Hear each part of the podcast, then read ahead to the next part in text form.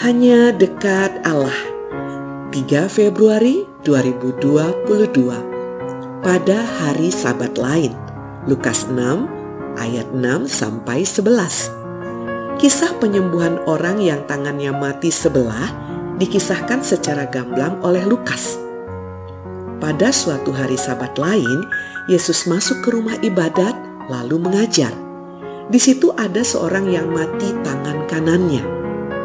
Ahli-ahli Taurat dan orang-orang Farisi mengamat-amati Yesus kalau-kalau ia menyembuhkan orang pada hari Sabat, supaya mereka mendapat alasan untuk mempersalahkan dia. Lukas 6 ayat 6 sampai 7. Kelihatannya orang yang stroke itu sengaja ditempatkan di sana. Para ahli Taurat dan orang Farisi itu tahu kemungkinan besar sang guru akan tergerak hatinya oleh belas kasihan. Ketika itu terjadi, mereka akan punya alasan kuat untuk menyatakan bahwa Yesus melanggar Sabat. Kita tidak tahu bagaimana perasaan orang yang sedang stroke itu. Sepertinya ahli Taurat dan orang Farisi itu pun nggak mau tahu apa yang sungguh-sungguh diinginkannya. Ya, bagaimana rasanya menjadi alat untuk menjerat Yesus. Padahal dalam hati kecilnya bisa jadi dia ingin sembuh dari penyakit itu. Namun demikian, sang guru tak kehabisan akal. Dia sengaja bertanya berkenaan dengan sabat.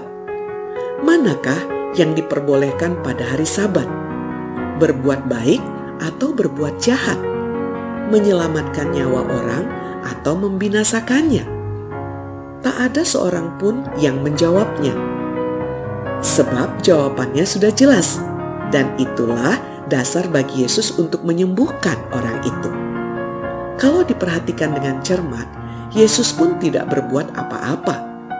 Dia hanya menyuruh orang itu mengulurkan tangannya. Tampak jelas bahwa yang menggerakkan tangan adalah orang itu sendiri, dan pada saat itulah dia sembuh. Salam semangat dari kami, literatur perkantas nasional sahabat Anda bertumbuh.